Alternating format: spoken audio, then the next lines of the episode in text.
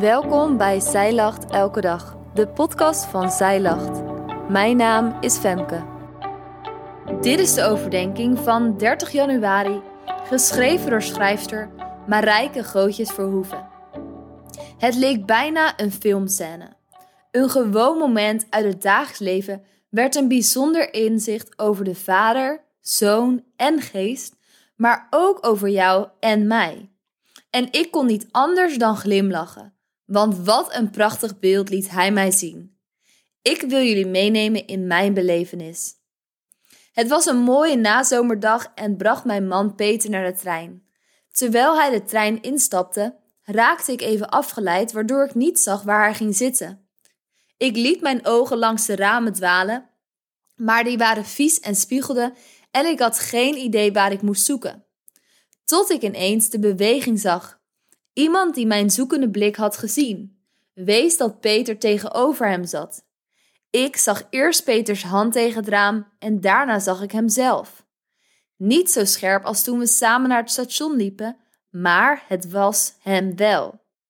Ik begon te stralen omdat ik hem had gevonden en vanwege de onverwachte helper die ons nog een ontmoeting bij elkaar gunde. En terwijl ik wegliep, besefte ik me ineens hoe veelzeggend dit beeld was. Jezus kwam ons om de weg naar de Vader te wijzen. Terwijl wij zoekende waren, toonde Hij zijn liefde en wees ons wie de Vader is. Hij eiste nooit de aandacht op voor zichzelf, maar deed alleen wat de Vader zou eren.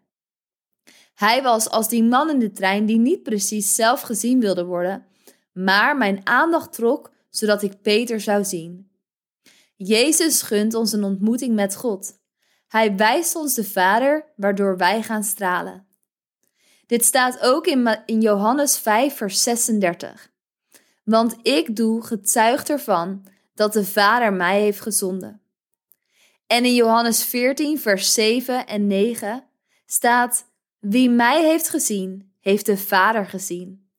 Ik spreek niet namens mezelf als ik tegen jullie spreek, maar de Vader die in mij blijft, doet zijn werk door mij.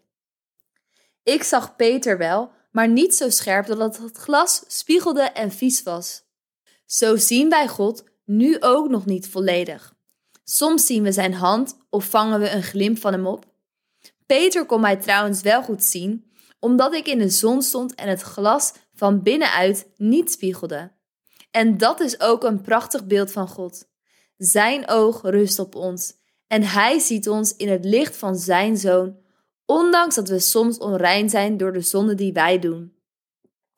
In 1 Korinthe 13, vers 10 en 12 staat: Wanneer het volmaakte komt, zal wat beperkt is verdwijnen. Nu kijken we nog in een wazige spiegel, maar straks staan we oog in oog. Nu is mijn kennen nog beperkt, maar straks zal ik volledig kennen zoals ik zelf gekend ben. Jezus getuigt van de Vader en wijst daarmee naar Hem. De Geest getuigt van Jezus en wijst naar Hem, die de waarheid is. Opvallend is dat zowel Jezus als de Geest niet namens zichzelf spreken, maar namens de Vader. Het gaat uiteindelijk om Zijn eer. In Johannes 15, vers 26 staat: Wanneer de pleitbezorger komt, die ik van de Vader naar jullie zenden zal, de geest van de waarheid, die van de Vader komt, zal die over mij getuigen. En dan in Johannes 16, vers 13 en 14. De geest van de waarheid zal jullie de weg wijzen naar de volle waarheid.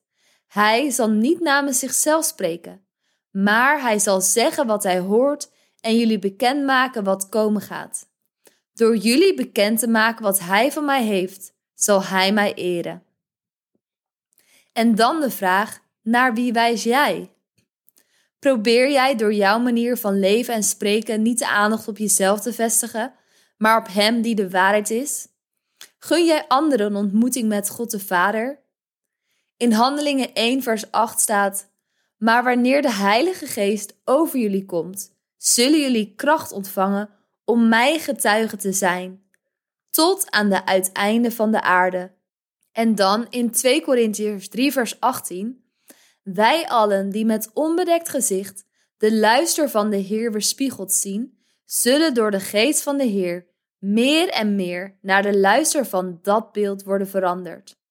We mogen Gods getuigen zijn door anderen te wijzen op Jezus, zoals de man in de trein mij wees op Peter. Als het goed is, verspiegelen we Gods heerlijkheid doordat we steeds meer op Hem gaan lijken en stralen door onze ontmoeting met Hem. 14 februari start de 40 dagen tijd. In dit leesplan, Feest van Bevrijding, volg je de Israëlieten in hun reis door de woestijn van slavernij naar vrijheid. En je ontdekt samen met de eerste volgelingen van Jezus over het leven in Gods koninkrijk. Wil jij meer toeleven naar Pasen? Bestel dan dit 40 dagen tijd leesplan via onze webshop. Dankjewel dat jij hebt geluisterd naar de overdenking van vandaag. Wil je de overdenking nalezen? Check dan onze website. Je vindt er ook meer toffe dingen die jou helpen om de Bijbel vaker te openen, zoals boeken, Bijbels, cursussen en evenementen. Morgen ben ik weer bij je terug met een nieuwe overdenking. Tot dan!